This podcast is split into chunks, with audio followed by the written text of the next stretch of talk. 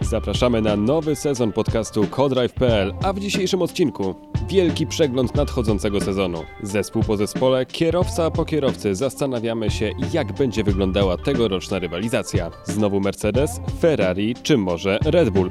Kto w tym roku okaże się najszybszym zespołem? Zastanawiamy się także, dla kogo ten rok nie zapowiada się zbyt kolorowo. Który kierowca z każdego duetu wyjdzie zwycięsko z walki ze swoim zespołowym kolegą? Po raz kolejny wyruszamy na Grand Prix Bahrainu. Jak wygląda ten pustynny wyścig? Wspominamy zeszłoroczne kontrowersje. Czy po zmianach sędziowskich będzie lepiej? Czy może jeszcze gorzej? To będzie pierwszy wyścig w nowej formule technicznej. Będzie ciekawy, pełen wypadków, różnych dziwnych sytuacji na torze, czy może spokojny i nudny? Zapraszamy. Witajcie najmniejsi, witamy Was znów we trójkę. Ruszamy z podcastem Codrive, który teraz będzie także na YouTube, e, więc taki robimy progres. Raz, a dwa, e, słuchamy Waszych uwag i zmieniamy się trochę, zmieniamy trochę formułę. Teraz będziemy działać na takiej zas- zasadzie, że przede wszystkim będziemy rozmawiać przed wyścigami, aby, aby Wam powiedzieć, jaki jest charakter miejsca, czego oczekiwać, e, jakie są nasze typy, e, a potem będziemy sobie robić propsy i dysy już, e, już po wyścigach w takich krótszych formach, wydaje mi się, takich bardziej strawnych i, i trochę bardziej aktualnych. Więc dziś jednakowoż zaczniemy nietypowo, bo najpierw pomówimy mm, przedsezonowo, zespół po zespole przede wszystkim kierowca po kierowcy, a raczej para po parze. Jak widzimy te rywalizacje, potem pójdziemy już takim sznytem, który będzie dla nas zwyczajowy, czyli jak wygląda dane miejsce, czego się spodziewać przed danym wyścigiem, jakie są klimaty, kwestie techniczne. Mamy nadzieję, że Wam się spodoba ta nowa forma i zapraszamy do pierwszego podcastu nowego sezonu. Więc ja też mówię dzień dobry w trzecim sezonie naszych spotkań podcastowych i tak jak Cezar już powiedział, może zacznijmy od tego, na co wszyscy myślę, że czekają, bo zastanawiamy się, kto będzie najszybszy w tym roku. Jesteśmy już po dwóch sesjach testowych. No więc przejdźmy może zespół po zespole, kierowca po kierowcy i zastanówmy się, jakie są przewidywania przed tym pierwszym Grand Prix. No i zacznijmy od mistrzów. Mercedes, Lewis Hamilton i George Russell, tutaj wielkie nadzieje i w jednym i w drugim są pokrywane, choć nie ukrywam, że ja mam nadzieję, że jednak George nas zaskoczy i być może będzie częściej przed Lewisem niż, niż wszyscy byśmy się tego spodziewali. Cezary, co o tym myślisz? Ja myślę, że George to by nas chętnie zaskoczył i myślę, że ma potencjał, szczególnie jeśli chodzi o tempo kwalifikacyjne. To wiemy, jest bardzo szybki, natomiast nie wiem, czy zaskoczy nas Mercedes, dlatego że e, bez cienia wątpliwości liderem tej ekipy jest Lewis Hamilton. E, Ostatnio nawet Toto Wolff opowiadał o tym, jak zmieniły się ich relacje po sezonie 2000 2016, kiedy Lewis chciał odejść z zespołu nawet. Wyobraźcie sobie, co by było, gdyby odszedł z Mercedesa, jaki to byłby błąd. Chciał odejść, bo Nico Rosberg zdobył mistrzostwo i jeszcze zespół był niezadowolony, że Lewis chciał go tego mistrzostwa pozbawić, spowalniając na torze w Abu Zabi. Pięć godzin rozmów w kuchni i ich relacje totalnie się zmieniły, są bardziej osobiste. I to bardzo widać, o tym mówimy zresztą już od, od chyba pierwszego naszego sezonu, że, że Luis jest, no ma, jest postacią kultową w tym zespole. Do tego stopnia, że faktycznie e, przyjmuje się wiele dogmatów na jego temat. Naprawdę to trochę przypomina taki kult, jest postacią centralną, wokół niego jest obudowany ten zespół, więc no, ta konstrukcja łatwo może się posypać, jeżeli on zostanie z tego miejsca wyciągnięty. A George prędkość ma z całą pewnością. Natomiast co do jego umiejętności wyścigu, one pozostawiają wątpliwości. E, Gdyby Mercedes miał najszybsze auto, no to wtedy George'owi byłoby łatwiej, bo nie za bardzo miałby z kim walczyć i gdzie się pogubić, ale wtedy Lewis będzie niekwestionowanym numerem jeden, bo musi być priorytetem jego ósme mistrzostwo. Jeżeli Mercedes będzie w środku stawki, czy raczej nie na samym czele, tylko na przykład tak jak teraz wygląda, że trochę za Red Bullem, a trochę za Ferrari, e, no to w ten czas George ma większe szanse, żeby jednak zespół obstawił jego, bo będą ważne wszystkie punkty, ale nie wiem, czy wtedy sobie w wyścigach poradzi. To, to jeśli chodzi o moje wątpliwości. Bardzo jestem ciekawa, na ile rzeczywiście oni teraz y, udają swoje problemy, na ile one są faktycznie poważne. Do myślenia daje to, w jaki sposób się zachowywał w Bahrajnie po testach Lewis Hamilton, który na oficjalnej konferencji prasowej dostał trzy pytania. Y, Na każde odpowiedział może dwoma słowami. Biło od niego to, że nie chce tam być, nie chce o tym rozmawiać, ale też, że czuje się atakowany w momencie, w którym dostaje pytania właśnie o to, jak Mercedes sobie poradził i czy on e, wierzy w ten zespół, że trafił, bo oczywiście wszyscy patrzyli ze zdumieniem na to, co Mercedes przywiózł na drugie testy w Bahrajnie. Kompletnie inna konstrukcja, drastycznie inny samochód od tego, który się pojawił w Barcelonie, a te same problemy. Problemy przede wszystkim z e, odbijaniem. Cezary jest team zwierzątka, więc e, kangurowanie, tak? ty wolisz kangurowanie. Tak, kangurowanie, bo też się każe z lotnictwem, aczkolwiek morświnowanie mi się bardzo podoba, mówiąc szczerze. I od razu i pamiętam, jak w Barcelonie pokazywałaś mi nawet na nagraniu, jak któryś z tych dziennikarzy brytyjskich pokazywał, na czym to polega i strasznie mi się spodobało właśnie, jak tego morświna udaje pod garażem Mercedesa, więc no i morświn tak ładnie brzmi, świnka jest w morświnie zawarta. Więcej świnki, wiadomo, jako świniofil też byłbym za morświnowaniem ostatecznie, tylko trudniej się wymawia i dziwnie się czyta. Tak, Natomiast jeśli chodzi o Mercedesa, jeszcze to najciekawsze było to, czego Mercedes nie przywiózł, czyli w sensie nie, jakby sekcje zapomnieli sekcji bocznych. Tak, podnieśli, podnieśli e, wloty do chłodnic i przycisnęli je do nadwozia w związku z tym i przeprasowali e, e, rękami. Natomiast to, co jest ciekawe w ogóle, jeżeli mogę się wtrącić, to to, że to się tak tłumaczy, że mm, to jest de facto e, inny sposób uporania się z usunięciem deflektorów tak zwanych, czyli tych tablic bocznych tego całego ustrojstwa, które było tak nabudowane e, przed, między przednimi kołami a wlotami powietrza do chłodnic. I ponieważ to zostało usunięte, żeby mniej zależało od, od, od aerodynamiki na górze, plus wydaje mi się też ze względów kosztowych, bo to było bez sensu robienie tego, to te duże takie sekcje boczne, na przykład w Red Bullu wydatne czy w Ferrari, y, są takie duże dlatego, żeby zastąpić te tablice boczne, te bargeboardy, czy deflektory, nie lubię tej nazwy, ale tak to się nazywa chyba najbardziej jest to rozpoznawalne w Polsce, a Mercedes zrobił y, odwrotnie i to też tak naprawdę ma, z, jakby jest reakcja na to, że tych tablic nie Wiesz, ma. na pytanie, dlaczego oni to zrobili, ja mam e, jedną odpowiedź. Gdyby nie sądzili, że im się to opłaca, to by tego nie robili. Zrobili to, bo, bo myślą, że to ma sens po prostu. E, Natomiast e, rzeczywiście mają cały czas bardzo duży problem z e, odbijaniem. Inne, przepraszam, z morświnowaniem. E, Inne zespoły poradziły sobie z, trochę z tym lepiej od e, Barcelony do Bahrajnu. Oni nie. Natomiast od e, testów e, w Bahrajnie do piątku, piątku, który też będzie właściwie kolejnym dniem testowym w dużej mierze dla zespołów, e, jest jeszcze parę dni, więc e, to jest cały czas czas, w którym zespoły mogą zrobić postępy, mogą zmienić ten układ e, sił, więc e, ja bym tego Mercedesa na starcie nie skreślała, nie skreślała z tego, z tego pierwszego miejsca e, w układzie sił, a co do rywalizacji Hamilton-Russell, Lewis Hamilton, jednak zdecydowanie to będzie Lewis Hamilton. Tak generalnie Mercedes sam się skreśla. Przecież jest cała wielka dyskusja, czy ściemniają, czy nie ściemniają. Nie wiem, czy widzieliście już. Wszystkie główne postaci Formuły 1 się na ten temat wypowiadały. Ale wiecie, co, wiesz, co mi się E, podobało? Natomiast się wydaje, Takie że oni mówią poważnie. zestawienia, Mhm. zestawienia relacji z testów w, poszczególnych latach, jakieś tam artykuły marzec, luty i tam zawsze jest Lewis Hamilton, nie, nie, nie, my mamy problemy, my w tej chwili nie możemy walczyć o zwycięstwo. What? To ja wierzę, bo znaczy, powiem, powiem wam dlaczego. Mhm. Przepraszam, nie wiem, bo komuś szedłem w słowo, widziałem, Jasiek zaczynał, Aldena zaczynała, więc ten. Mi się wydaje, że mówią prawdę, bo to się wszystko klei z e, dwóch powodów. Po pierwsze, i to Luis powiedział, że póki co nie będziemy się liczyć na zwycięstwa, ale mamy bolid, który ma potencjał na walkę o mistrzostwo, tylko musimy ten pot- potencjał wyciągnąć z samochodu. A George powiedział, że absolutnie nie udajemy tych problemów. Widać było na to, że żołty jest nerwowe, że dobija, że, że, że- że je rzuca. Natomiast y, y, ten problem, tak, że wiemy, że jest potencjał w samochodzie, ten problem będzie można rozwiązać. Pytanie kiedy?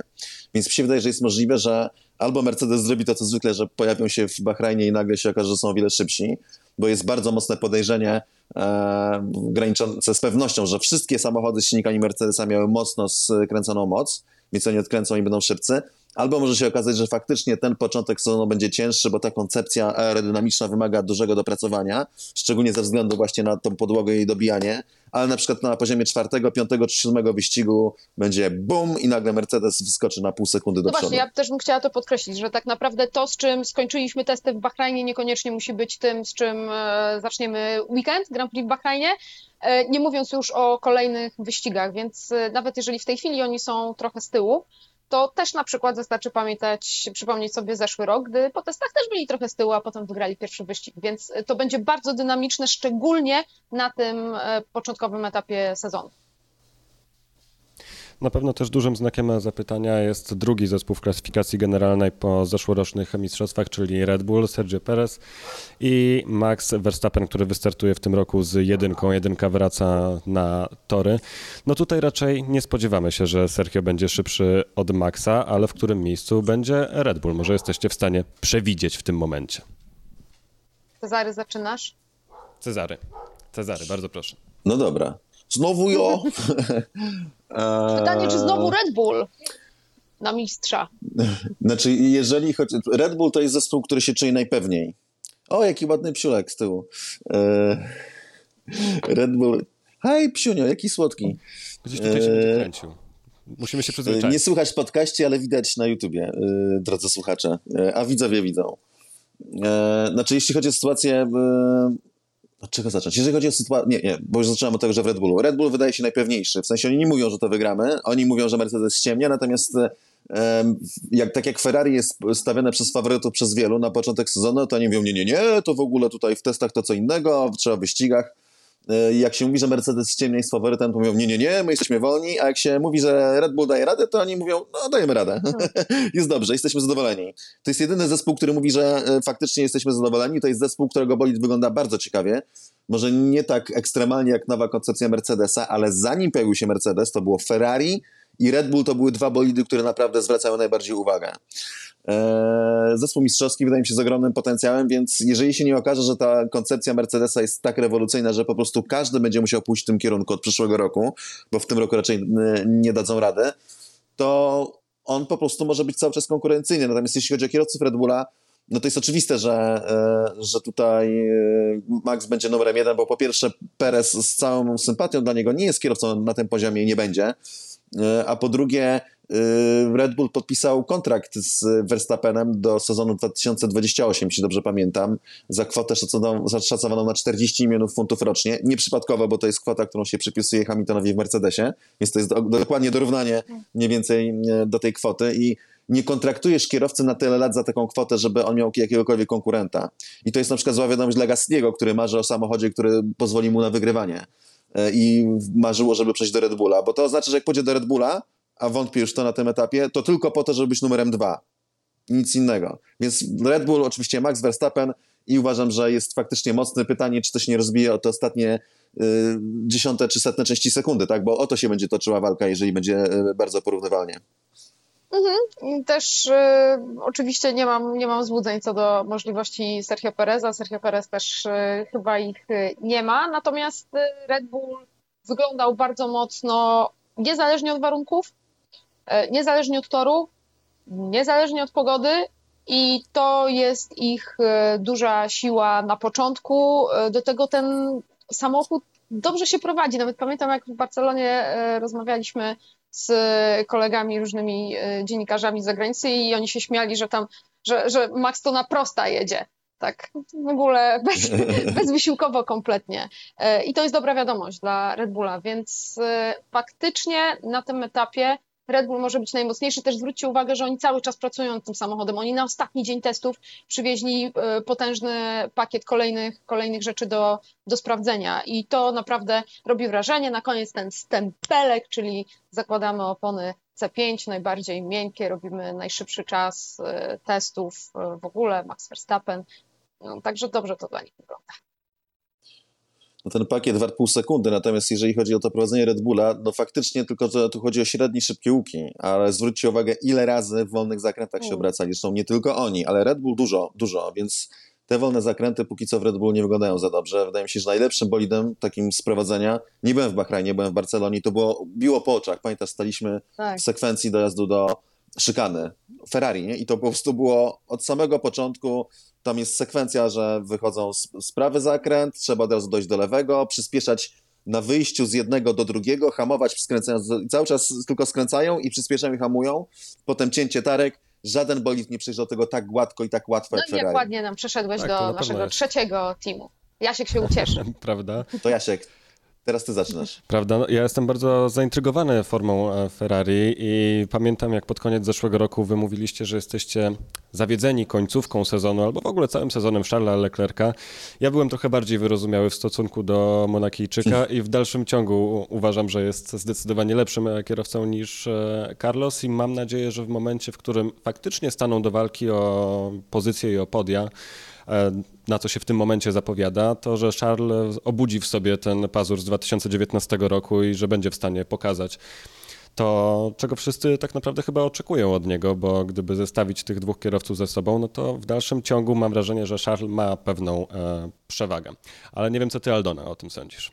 To jest absolutnie największa niespodzianka sezonu 2021, że to Carlos Sainz został tym best of the rest i pokonał nie tylko kierowców e, McLarena, ale pokonał też swojego kolegę z zespołu. Oczywiście pamiętamy, że Charles Leclerc e, jakby powinien, może się czuć moralnym zwycięzcą, chociażby po Grand Prix Monaco i tym, co zgotował mu zespół, natomiast no, za moralne zwycięstwa punktów nie przyznają i to e, Carlos Sainz wyszedł, wyszedł z tego starcia zwycięsko, więc tym bardziej teraz Leclerc powinien udowodnić, że on jest tym liderem na lata, bo też jako taki został do Ferrari ściągnięty i to była bardzo częsta dyskusja w zeszłym roku, e, gdy ja za każdym razem i też tak jak ty będę, będę się przy tym upierać, e, Charles Leclerc jest liderem tego zespołu.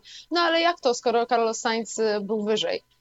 I żeby skończyć tę dyskusję, Leclerc w tym sezonie naprawdę musi wejść poziom wyżej, bo też mam wrażenie, nie wiem czy się ze mną zgodzicie, że e, Leclerc błysnął na początku, będąc w słabszym Sauberze, błysnął niesamowicie w pierwszym sezonie Ferrari na tle Sebastiana Vettela, a potem wszedł na ten płaskowyż i się skończyło wchodzenie na poziom wyżej. E, jest cały czas bardzo wysoko, ale ten zeszły sezon to była taka stagnacja formy. I na koniec ten sztyczek w nos w postaci przegranej z Carlosem Sainzem, więc ten sezon będzie bardzo ważny dla dumy Leclerca, dla pozycji Leclerca, e, no i też oczywiście dla Ferrari, no bo w końcu po, po tym, jak przez dwa lata z rzędu nie wygrali wyścigu, wygląda na to, że mają na to szansę teraz e, i to nawet regularnie. Dlaczego skończyłaś dyskusję, chciałem powiedzieć? Kończąc dyskusję, ja chciałem kontynuować. proszę. E, Leclerc sam przyznał ostatnio, że to bolało. Że to było coś, co go zabolało. On mówi, e, nauczyłem, lekcje zostały przyjęte i teraz będzie lepiej i tak dalej. Nie do końca w to wierzę. Znaczy, Charles Leclerc niewątpliwie bardzo szybki, bardzo zdolny kierowca. Być może nawet najszybszy kierowca w kwalifikacjach. Szybszy od George'a, szybszy od Louisa, szybszy od Maxa. Tylko tu mówimy o różnicach tysięcznych sekundy. To, co potrafił wyciągnąć w kwalifikacjach było niebywałe ale jest to kierowca, który po prostu za dużo błędów popełnia i można sobie, to jest właśnie tego kwestia, czy to jest tak, że on popełnił dużo tych błędów dlatego, że y, żeby nadrobić osiągi bolidu musiał tyle ryzykować e, i po prostu wóz albo przewóz, czy to jest jednak tak, że on nie potrafi nad sobą zapanować, potrafi jechać tylko w jednym trybie i po prostu nawet w tym sezonie, jeśli Ferrari będzie najszybsze, a są takie podejrzenia, że to jest z całą pewnością testy im poszły najlepiej, i na przykład się okaże, tak jak Lewis Hamilton powiedział, że jakby jutro był wyścig, powiedział w Bahrajnie, to Ferrari ma 1 i 2. Że Ferrari będzie na takich pozycjach, to Charles Leclerc cały czas, co drugi, trzeci weekend wyścigowy na jakimś etapie będzie wypadał z toru. Co będzie się mściło w tym roku jeszcze bardziej, dlatego że mamy limity budżetowe. Już się robi e, noise wokół tego, że, e, że idzie hiperinflacja na całym świecie i te limity są zbyt niskie. E, natomiast to zdaje się, że Mikis, czy, czyli no, no, z Ferrari taki nazwanych postaci, E, powiedział, że w tym sezonie to lepiej, żeby kierowcy się tak często nie rozbijali, bo te części to kosztują. Poczekaj, poczekaj, po prostu. A to jest, to jest prawda, nie? To jest w ogóle... O, grosz niżej niż wczoraj. Dobra. O, dziękować. E, więc e, to jest też ważny czynnik w ogóle nie tylko Ferrari w kontekście sezonu, że zwróćcie uwagę, że naprawdę coraz bardziej w cenie będą ci kierowcy, którzy będą dowozili bolidy do mety w jednym kawałku, czyli e, Mick Schumacher, a także Kevin Magnussen w hasie mi się wydaje nie będą e, za bardzo ten... Yuki znaczy, Tsunoda nie, nie lubi tego. Nie, Yuki Tsunoda to jemu wszystko jedno. Tak, ostatnio w Drive to Survive widziałem ten, widziałem fragmenty jego różnych ekscentrycznych wypowiedzi. E, taki ciężki dowcip, powiedzmy, szatniowy, szatniarski. E, natomiast Franz Tost tego nie lubi, mówiąc w skrócie. Ciekawy jestem, jak to będzie właśnie wybrzmiało. Ale już żeśmy przeszli na inne zespoły, a co? Mówimy o Ferrari, tak prawda? Tak zwanym Ferrari. No to, a mówiliśmy już, kto Ferrari będzie lepszy naszym zdaniem? No naszym, naszym, na naszym, y, naszym zdaniem tutaj w Warszawie y, Leclerc. Musi. A w Stanach Zjednoczonych musisz.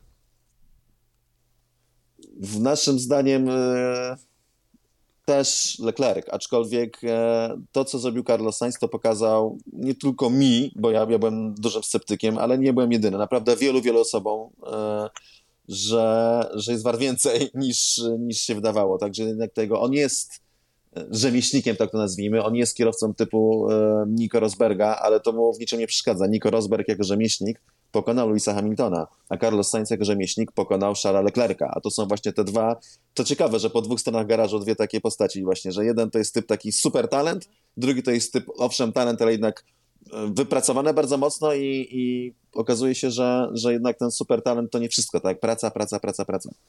Najbliższy sezon na pewno zweryfikuje, czy rzemieślnik, czy utalentowany będzie tym lepszym pod koniec e, roku. Lecimy dalej. McLaren, czyli Lando Norris i Daniel Ricciardo. Daniel po ciężkim roku, ale ze zwycięstwem. Lando z prawie zwycięstwem w Rosji i kilku dobrych e, występach. Na kogo tutaj stawiacie? Bo chyba się nie, nie, was, nie zaskoczę was tym, że stawiam na Brytyjczyka. Liczę na to, że odkryje w pełni swój potencjał w tym roku, o ile będzie miał e, czym wyjeździć te swoje umiejętności Cezary, kontynuuj w takim razie, ale już przy McLarenie. E, no tutaj powiem szczerze, mam pewne obawy e, o Daniela. Daniel stracił wiarygodność. E, znaczy, to, to nie przekreśla jego wszystkich sezonów poprzednich, w których jeździł śmienicie, w których pokazał, że się świetnie ściga. Natomiast no, nagle przychodzi Lando, kierowca, o którym to jest ciekawe, bo nawet rozmawialiśmy o tym z Robertem ostatnio, że y, do niedawna byłem w stanie i on, on to od razu podchwycił, że, te, że, że, to tak, że tak było, że byłem w stanie wy, wychwytać, kto, wychwycić, kto może być dobrym kierowcą już po tym, jak się zachowywał, po jego charakterze, po tym, jak wyglądał. Robert razu podchwycił, że tak, że tak było i mówi coś, co ja chciałem powiedzieć, że teraz już tak nie ma, że to już tak nie działa. E, a mówiliśmy to w kontekście tej sesji do, Vanity Fair, nie? W sensie, że tak pokazywałem mu ten, ten, ten i zaczęliśmy gadać, jak się zmieniały, zmienili kierowcy w ogóle, jak, jak, jak, no, bo to jest ogromna zmiana pokoleniowa. I nagle przyjdzie Lando Norris, po którym, po tym właśnie jego y, charakterze y, i takim ogólnym zachowaniu w życiu bym nie powiedział, że jest tak dobrym kierowcą. I nagle się okazuje, że, że nie, że świat się zmienia, nie? Czasy się zmieniają i mamy chłopaka, który w życiu nie przypomina takiego twardziela, jaki musiał być topowy kierowca Formuły 1, bo nie przypomina, a mimo tego jest super kierowcą. Więc no ja ostatecznie obstawiam Lando, bo po prostu on zrobił o wiele lepszą robotę, a Daniel mi się wydaje stracił dużo pewności. Teraz oglądam, staram się oglądać Drive to Survive, który czwarty sezon, który szczerze mówiąc bardzo ciężko mi idzie, a muszę go obejrzeć, bo, bo chcę zrobić re recenzję. Natomiast jest tam kilka mocnych punktów w tym programie, które dużo pokazały i między innymi to, co się działo w McLarenie. Norris miał trochę pretensje, że to trochę zostało przerysowane, że wyciągnięto bardzo zły cytat z niego w złym momencie, że nie współczuje Ricardo wcale. I potem przy, w, obecności Ricardo na naradzie PR-owej mówi, że chciałbyś, żebym ci współczuł. E, natomiast widać, jak się sypie ten, że na początku Daniel przychodzi z taką energią, tutaj lider tego, szmega, fafa, rafa. I jak po kilku wyścigach sezonu, jaki jest stłamszony tym wszystkim, przytłoczony, jak Lando po prostu go rozkłada na łopatki. I mi się wydaje, że nie ma z tego łatwego wyjścia. A jeszcze dodajmy, że, że Daniel y, stracił całą sesję w Bahrajnie, zresztą i McLaren, bo McLaren miał problemy z hamulcami, natomiast y, Lando stracił y, Daniel. całą, bo nie Lando, Daniel stracił całą sesję, bo zapadł na covid i nie ma pewności, czy się wykuruje do pierwszego wyścigu. No właśnie, ja z pewnym bolącym sercem, bo, bo jestem wielką zwolenniczką tego wszystkiego, co prezentuje Daniel Ricardo, też, e, też, też chyba muszę powiedzieć, że ten pociąg, no może jeszcze nie odjechał, ale już zamyka powoli drzwi, już ciuchcia i konduktor mówi pu, pu, a Daniela tam, a Daniela tam nie ma. To nie konduktor a. mówi u, konduktor nie robi u, u to ciuchcia. No, no właśnie, to e, ciuchcia tak robi, a konduktor mówi, żeby wsiadać, a Daniela nie ma do tego, do tego zmierzał. E, więc e, to będzie bardzo ważny dla niego sezon. Albo on się podniesie i pokaże, że cały ten zeszły rok to, to, to, to była pomyłka, po prostu wszystko e, tam grało przeciwko niemu, albo niestety zostanie z tą łatką kierowcy, który przyszedł jako lider, bo on przyszedł do McLarena jako lider za dużo, dużo większe pieniądze niż Lando a został tym drugim i nagle to Lando ma kontrakt do 2188 roku, a Daniel nie. E, więc e, to będzie bardzo ważny rok dla niego, natomiast biorąc pod uwagę to wszystko, co się działo w zeszłym roku, stawiam na Lando, ale boję się o McLarena w kontekście tej walki, bo o ile top 3 wskazujemy raczej dość zgodnie Mercedes, Red Bull, Ferrari, o tyle nie umieszczamy tam McLarena. W zeszłym roku E, jednak McLaren był wysoko, wygrał wyścig, walczył o zwycięstwa w wyścigu i z Ferrari stoczył bardzo fajną walkę. Teraz wygląda na to, że od tej pierwszej trójki odstaje. Ale zwróć uwagę, że po, po, testach w Barcelonie nie było takiego wrażenia. Dopiero w Bahrajnie, tak. kiedy mieli poważne problemy techniczne tak. z hamulcami, więc McLaren dla mnie jest taką dużą niewiadomą. Myślę, że możemy z dużą dozą pewności powiedzieć na 90%, że mistrz świata Formuły 1 to będzie jeden z sześciu kierowców tych trzech ekip, aczkolwiek nie z sześciu, z tylko co najwyżej z czterech. No dobra. Nie jest z czterech, bo mamy dwóch Ferrari, Ferrari będzie równość, a w Mercedesie będzie Hamilton, a w Red Bullu niewątpliwie, e, absolutnie niewątpliwie będzie to Max Verstappen, który będzie jedynym kandydatem na mistrzostwo. O tyle jednak no, mamy dużą, jakby duże pole do niespodzianek, bo mamy nową erę w Formule 1, naprawdę jest duże przetasowanie i co więcej, ten układ sił może się bardzo wahać. Może się bardzo wahać ze względu na upgrade'y sprowadzane, ze względu na poznawanie bolidów, na przykład same czyste ustawienia w bolidach, że nagle coś znajdą, o kurde, jak to świetnie działa i nagle ktoś podskoczy. I ze względu na to, że różne koncepcje bolidów mogą bardzo pasować do różnych rodzajów torów czy do różnych warunków pogodowych. I nagle się okaże, że ktoś, nie wiem, wygra o sekundę na okrążeniu kwalifikacji w Bahrajnie, wymiecie wszystko w Bahrajnie, pojedziemy do Arabii Saudyjskiej i będzie na przykład pół sekundy z tyłu. Takie mogą być wahania. Więc w tak, w tak wielkich niewiadomych jeżeli ma być jakiś czarny koń, czyli no, no, jakiś tam zespół czy kierowca, który może wskoczyć do walki o mistrzostwo, to to będzie w pierwszej kolejności McLaren, moim zdaniem ciągle. Natomiast z drugiej strony, to jeszcze inna kwestia. Gdyby McLaren miał przewagę jakąś stałą, tak jak Mercedes przez lata, to wtedy można było obstawiać, że raczej Lando, no może Daniel, ale nawet jeżeli Lando będzie wyskakiwał z tymi przewagami w różnych miejscach jak inne zespoły, to moim zdaniem z całą no, wielką sympatią i uznaniem dla Lando, wybacz Jasiek, Lando nie jest wystarczająco jeszcze dojrzałym kierowcą, żeby pociągnąć temat. Czyli jego w zeszłorocznym pojedynku Verstappena z Hamiltonem, który był niebywały, nie widzę Lando w butach Maxa Verstappena. W sensie wątpię, żeby był w stanie, nie momentami tak, ale w przeciągu całego sezonu nie. no wiesz, no w końcu ile ma? 3 czy 4 lata mniej doświadczenia w Formule 1 niż Max w tym momencie? Więc no jeszcze, no tak. jeszcze ma czas na to, żeby wskoczyć w te buty i walczyć o Mistrzostwo Świata. Ja jeszcze jako ciekawostkę podrzucę, jeżeli jesteście już po Drive to Survive, to warto zajrzeć na YouTube'a McLarena i zobaczyć, jak kierowcy oglądają te sceny, o których mówił e, Cezary wspólnie. Daniel i Lando mm. razem się podśmiechują z tego, co Netflix nagrał i raczej nie widać tam zbyt dużego konfliktu między nimi, chyba że to jest taki śmiech, który ukrywa jakieś straszne e, zbrodnie, które się za kulisami odbywają. Ale to tak w ramach małej ciekawostki. Dalej idziemy do wielkiego El Plano, czyli Alpin, Esteban Ocon i Fernando Alonso. Tutaj ja jestem trochę zaniepokojony tym, co się dzieje, patrząc, e, co, co oglądaliśmy na testach. No i też nie widzieliśmy zbyt dużej euforii u jednego i drugiego kierowcy francuskiego e, zespołu. Jak wy na to patrzycie, Aldona? Słabo to wygląda. E, w zeszłym roku rzeczywiście oni stworzyli, to był taki komplet, jeśli chodzi o zespół środka stawki. Pełny pakiet, wszystko tam było. Dwaj wyrównani kierowcy, bardzo dobrzy, z błyskiem, mieszanka doświadczenia, młodości. Ja zawsze z Alpin, wcześniej z Renault miałam problem z ich strukturą zarządzania, 50 dyrektorów zarządzających, wizerunkowych, doradczych itd. Tak Marcin Budkowski, gdy tam był, wydawało się, że, że, że fajnie to spiął i to się jakoś mniej rzucało w oczy. Natomiast teraz mam wrażenie, że tam znów jest jakaś, e, jakaś maniana, jeśli chodzi o te, o te sprawy kierowania zespołem. I L-Plan na razie nie wypalił. Alpin wygląda zaskakująco słabo. To samo można powiedzieć o Astonio Martinie.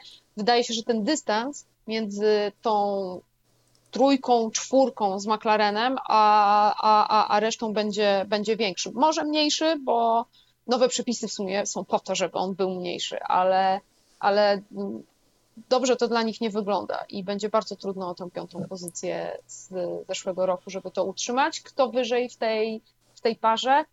Stawiam jednak z sentymentu na Fernando Alonso, ale tak naprawdę tylko z sentymentu, bo właśnie jeżeli coś może ich uratować, jeżeli coś może być ich siłą, to ten skład kierowców, który jest bardzo wyrównany i bardzo dobry. To ja pójdę w kontrze do was, ale nie z przekory tylko z moich prywatnych przemyśleń. Okej, podziel się, E, absolutnie, tak jak na początku zgodzę się z Aldoną, e, absolutnie skład e, mm, w Alpine to jest ich najmocniejsza strona i to pokazali w zeszłym roku. Oni nie mieli bolidu na, mm, na piątą, tak? Czy Piątą. mieli piątą pozycję? Czy, czwar- czy czwartą? Piątą. Czwartą. Piątą, piątą.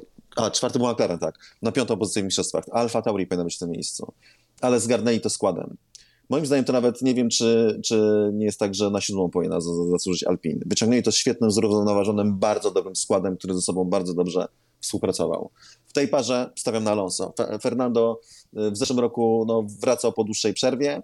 Dwa lata to już jest sporo y, i po dwóch latach jakby ciężko się było wstrzelić w bardzo ciężką taką specyfikę opon do ogarnięcia. Racecraft miał fenomenalny, natomiast y, wyjeżdżasz na kwalifikacje i musisz naprawdę czuć y, te niuanse związane z pracą opon przy danych bardzo wąskich oknach temperatur, y, danym torze. Naprawdę są rze- rzeczy bardzo trudne, to trzeba, nawet jak to zrozumiesz, tak, patrząc w dane, to wyczucie tego jest bardzo trudne no, nawet, dla, nawet dla tak świetnego kierowcy jak Fernando Alonso. W tym roku ten czynnik zniknie, bo mamy przetasowanie regulaminowe, plus ma za sobą jeden sezon startów. Mamy nowe opony, więc to będzie szło od zera. I to ustawi Alonso już na wyrówna jego szanse e, nawet po tych dwóch, dwóch latach przerwy z całą resztą stawki i moim zdaniem zyska na tym e, nad Okonem. Niewiele, bo niewiele, bo Okon jest świetny, ale zyska. Natomiast Alpine zaczęło testy faktycznie słabo, nie mogli używać DRS-u, nie odkręcali silnika, w sensie nie od bolidu, tylko w sensie, że z mocą nie, nie, nie odkręcali. E, I e, Fernando widać było na konferencji po języku ciała, taki body language, jak to Queen śpiewali. E, mało znany utwór swoją drogą. E, widać było po tym języku ciała i mimice El Fernando, że nie jest zadowolony i słowa jakby aż tak bardzo tego nie podkreślały, ale jednak to pokazywały. Natomiast pod koniec testu w Bahrajnie to Alan Permain mówił szczególnie, że Fernando wysiadł z samochodu po przejeździe na dużym, e, na dużym, z dużą ilością paliwa, z większą mówił wow, nie, że, że jest szybki samochód, że jest szybki bolid, więc Alpine po testach w Bahrajnie jakby jest w znacznie lepszej sytuacji, jeśli chodzi o ich mora- morale. I to oczywiście zweryfikuje tory i porównanie, kiedy no, no już naprawdę będą się liczyć te łamki sekund, ale jeśli teraz chodzi o ten język ciała w zespole, tak, to, e, to oni czują się pewniej i oni są przekonani, że ten bolid jest lepszy od zeszłorocznego. Tak więc e, no mi się wydaje, że Alpin prawdopodobnie jest zespołem środka stawki, e, natomiast no, jest prawdopodobnie faworytem środka stawki, nawet jeśli nie ze względu na bolid, to ze względu na skład kierowców. A ponoć ten środek stawki ma być bardzo, bardzo ciasny. Kilka osób to mówiło z różnych stron, że, się, że pusz- przypuszczają, że tam będzie jeszcze ciaśniej niż w zeszłym roku. Tak kto wie, może na niektórych torach będziemy mogli zobaczyć jakieś złote strzały z e, tego zespołu i jakieś lepsze Oby. e, występy. Albo w ogóle się okaże, że po prostu zrobili nas w konia i wszystko, wszyscy byli podkręceni po prostu. Dalej lecimy do Alfa Tauri. Tam e, Japończyk i Francuz Pierre Gasly Yuki e, Tsunoda, który jak sam się pochwalił spędził przygotowania do poprzedniego sezonu grając na konsoli i wcinając zamawiane żarcie. Postawa godna kierowcy Formuły 1 z całą e, pewnością. No i jestem ciekawy, jak wy będziecie podchodzić do tego składu, do tego zespołu w tym roku, no bo Alfa Tauri zawsze trochę w cieniu Red Bulla i tak, ja nie wiem, jakoś jak mówię Alfa Tauri, to nigdy nie miałem wypieków na policzkach w związku z tą e, ekipą ani z tymi kierowcami, aczkolwiek wierzę, że Yuki jeszcze wystrzeli do góry, bo Pier solidna forma, ale jakoś nie mój typ człowieka chyba. Cezary. Nie no, Tsunoda, ewidentnie Tsunoda roz, rozwali Piera Gasly, rozłoży go na łopatki i zdobędzie coraz więcej punktów. Powiem tak, szczerze jak obejrzałem Drive to Survive, to spadła mi sympatia do Tsunody. Eee, Wcześniej po prostu no, widać było, że na, naprawdę nie, absolutnie sobie nie radził, wbrew wszelkim zapowiedziom ludzi z Toro Rosso, znaczy z Toro Rosso, a potem z Alfa Tauri, no bo to ten sam zespół zmienił nazwę, i z Red Bulla. Absol- I to się wszystko po- potwierdziło, te wszystkiego teksty o tym, on ciągle nienawidzi siłowni, ale już chodzi na te siłownie. To tak jak ja, Eee, I o ja tym nie właśnie jak chodzę. tam siedział. Ja zostałam na nienawidzeniu. No to w takim razie, jak będzie startowała Formuła 1, to się nie Damn. odstawię, przepraszam. No. Eee, I całe to jego podejście mm, to jest po prostu, no nie, nie, nie, nie. W, w, w każdym punkcie pojawia się we mnie bunt, jeśli chodzi, to, to ten człowiek Ja rozumiem, dlaczego on tam jest. Mówiliśmy o tym od początku. Jest tam dlatego, że jest Japończykiem, a Honda jest bardzo ważna. Nawet teraz, jak nie ma jej w oficjalnej nazwie zespołów, to ona ciągle jest bardzo ważnym partnerem. I on jest tam tylko dlatego. Ja miałem, został tam wrzucony na głęboką wodę po jednym roku startu w Formule 2. To nie była jego wina i zawsze go broniłem, ale na tym etapie, przy tym podejściu, nie. Po prostu to jest człowiek, którego nie powinno być w Formule 1. Nie Plus jeszcze te jakby Drive to Survive, jak zobaczyłem te jego urywki z jego różnych y, dowcipów kiblowych, bo to są dowcipy kiblowe, więc w skrócie to już zupełnie jakby stracił, stracił moje poparcie. Kurczę, to ja muszę obejrzeć, bo ja, Ale bo ja nie lubię chodzi o to, czy kogoś lubisz, czy nie lubisz. Kiblowe, kiblowe poczucie humoru, może to... Nie, one nie? były Nie to? takie... No. Słuchaj, może co? nie znasz japońskiego Kiblowe humoru. poczucie humoru? Nie, nie, no, możliwe, ale Japończycy, oni, Ja nie znam zbyt wielu, więc ponoć ciężko nie, mi ponoć powiedzieć. przykład nie mają jakichś takich przekleństw w, jak w naszym typowym e, rozumieniu. W sensie Mają oczywiście swoje złe słowa, ale po- pogardliwe, ale, ale ponoć nie mają takich, takich, że tak zacytuję. Nie, no, nie, Nie, nie zacytuję. cytuję. E, nie cytuj. E, No nie mają, nie mają. urwa, straciłem wątek. Jasiek, Aldona. co zrobiłeś? E, no, Nie, ale jeszcze porównanie, tak? E, Gasli, jeszcze, bo o Gaslem nie powiedziałem, przepraszam. Nie gaś mnie, bo jeszcze muszę powiedzieć o Gaslem. E, Pierre Gasly oczywiście kierowca, który się bardzo sprawdził, kierowca, który no, no, cały czas punktuje. E, natomiast e, no, cały czas jest moim zdaniem zasiany w nim ten element niepewności. Ten element to jest jego rodzaj takiej emocjonalności i frustracji, które z niego czasami wychodzą. To jest bardzo duży problem. Co prawda rzadko, ale to szczerze to są właśnie te mistrzów de, definiują te na, najtrudniejsze, te rzadkie chwile, w których naprawdę trzeba albo trzymać się w garści, albo, albo coś cię jakby zwija z pantałyku. I Pier to ma w sobie, chociaż też i Luis to miewał w sobie. Chociaż nie, Luis jak ma szybki bolid, tak? Luis jak ma szybki bolid, wie, że ma bolid, który może wygrać, to jest po prostu niezniszczalny. Dopiero jak ktoś inny ma bolid, który jest równie szybki, to wtedy mu się zaczyna kruszyć. E, natomiast z Pierre mi się wydaje, że no, no on nie, absolutnie materiał na mistrza świata, może nawet wielokrotnego, ale nie stawiałbym go w rzędzie z Maxem Verstappenem. E, Natomiast cały absolutny lider tej ekipy, świetny kierowca, kierowca, który, który, na którym e, Alfa Tauri może polegać i no, w, tym, w tym duecie myślę, jeżeli Tsunoda skończy ten sezon wyżej, a obaj przejdą normalnie sezon, to, to uznam, że żyjemy wszyscy w symulacji komputerowej i że to jest jedna wielka ściema. to, tak, tu nie ma wątpliwości co do układu sił w e, tej parze. Ja uważam, że Gasly jednak ma mocne psychę i pokazał to po tym, jak Red Bull go spuścił na drzewo.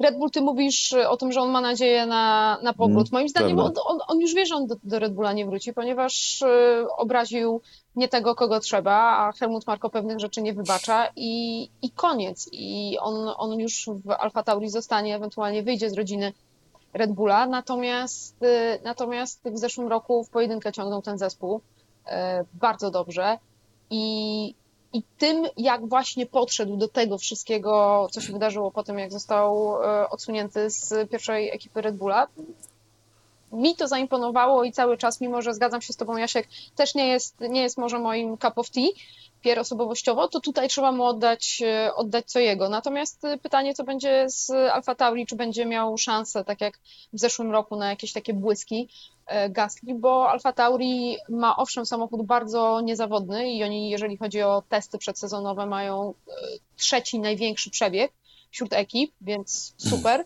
E, Natomiast trochę tempa tam brakuje. No i, no i kangurowanie, morświnowanie też bardzo im dokuczało. Ten jeden z najbardziej przemawiających do wyobraźni onboardów, e, pokazujących, co się dzieje z kierowcą, a teraz pokazuje to Jasiek, e, drodzy Państwo, to, to właśnie był bolid Piera Gastiego, więc niezawodność jest, no ale co z tego, skoro na razie wygląda na to, że nie ma tam tempa, a skoro tak, to będzie trudniej Pierre, Pierre'owi o takie błyski jak w zeszłym roku, co nie zmienia faktu, że na pewno pokona Jukiego Tsunodę, koniec.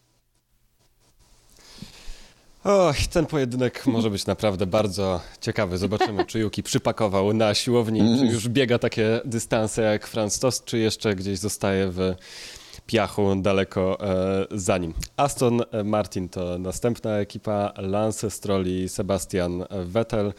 Dwaj kierowcy, którzy mają swoje momenty, ale to są raczej momenty już w tym momencie, pomimo że ekipa ma aspiracje przecież mistrzowskie. Od dawna o tym e, mówimy.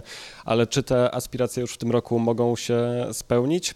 Jakoś ciężko mi sobie to wyobrazić, ale może ty, Aldona, przemówisz mi do wyobraźni. Wiecie co, ja powiem Wam szczerze, że jakoś e, mi ten początek sezonu w wykonaniu Astona Martina mi przeszedł niezauważony. E, o ile każda ekipa coś czymś, czymś zaistniała w pozytywnym albo negatywnym znaczeniu tego słowa, to Aston tak sobie po prostu gdzieś tam jest. Czasowo nie imponowali. 12 i 15 czas zbiorczy testów w, w Bahrajnie. E, w Barcelonie też gdzieś tam 17 Stroll, Vettel, 7. Tak gdzieś sobie są w takiej tej szarości midfieldu y, i nie wiem, co o nich powiedzieć tak naprawdę. Poza tym, że w tej parze jednak y, Sebastian Vettel będzie y, wiódł prym i oczywiście ten środek stawki będzie ciasny, więc tam będą te fluktuacje z weekendu, z weekendu na weekend. Natomiast może dobry, dobre tempo. Przekreślasz szansę Lansa. Niestety. Może dobre tempo na, na, na długich przejazdach, ale, ale tak naprawdę nic szczególnego, na czym można by było oprzeć e, szansę na to, że na przykład walka o podium, czyli coś, co działo się w zeszłym sezonie, może się tutaj powtórzyć. Aldona, w szarości midfieldu to jest po prostu. Chyba założymy taką grupę. To jest tak pięknie ujęte. Poezja. Aston Martin faktycznie jest taką wielką niewiadomą i jest miałkim zespołem na tym etapie. Niestety. E, przy całych tych działaniach Papy Strola, który naprawdę imponuje swoją siłą woli i też determinacją i, i wyborami inwestycyjnymi, ten zespół się w czymś rozmywa i mi się wydaje, że on się rozmywa w tak jak Mercedes jakby kwitnie w micie Louisa Hamiltona, najlepszego kierowcę ever, bo to jest mit, to jest jeden z najlepszych kierowców ever, tak e, niestety e, Aston Martin tonie w micie e, Lansa Strolla, czyli kandydata na mistrza świata. Kto wie, może zdobędzie mistrzostwo świata, ale Aston musiał mieć przewagę dwóch sekund na okrążeniu i ten, i w drugim bolidzie Nikita Mazepina. To wtedy tak.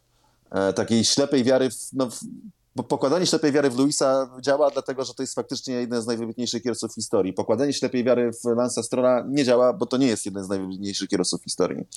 E, I podobnie pokładanie ślepej wiary w Sebastiana Vettela, który no, z całą sympatią bardzo go lubię, ale też jakby liczba jego tytułów, to powtarzamy, absolutnie nie oddaje tego, jakiej klasy jest kierowcą. Nie jest to kierowca e, klasy Louisa Hamiltona, mówiąc w skrócie, tak? czy, czy Maxa Verstappena. I o, ale oni w to wszystko jakby pchają dużo takiej wiary i wydaje mi się, że nie tylko komunikacyjnie.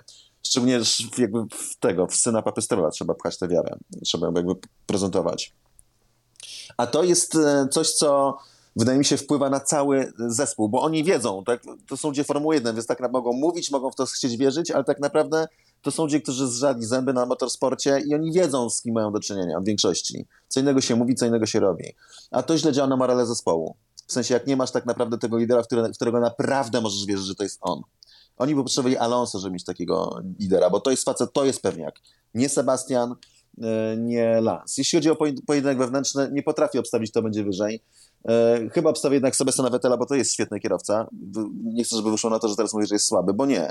E, I o ile Lance potrafi pojechać bardzo dobrze, to mu się to zdarza trzy razy w sezonie, może, może cztery góra, a Vettel błyszczy częściej, a nawet jak nie, nie błyszczy, to jego średnia ciągle jest wyższa niż e, średnia Lansa.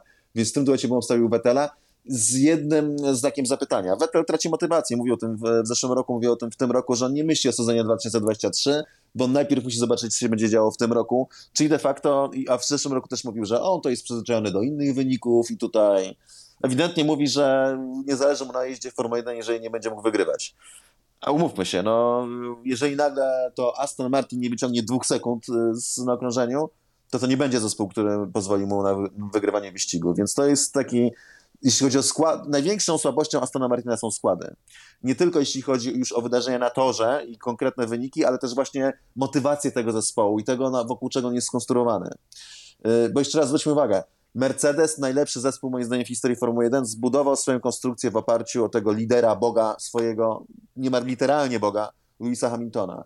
To samo robi Red Bull z Maxem Verstappenem. Chyba jeszcze nawet bardziej niż Mercedes.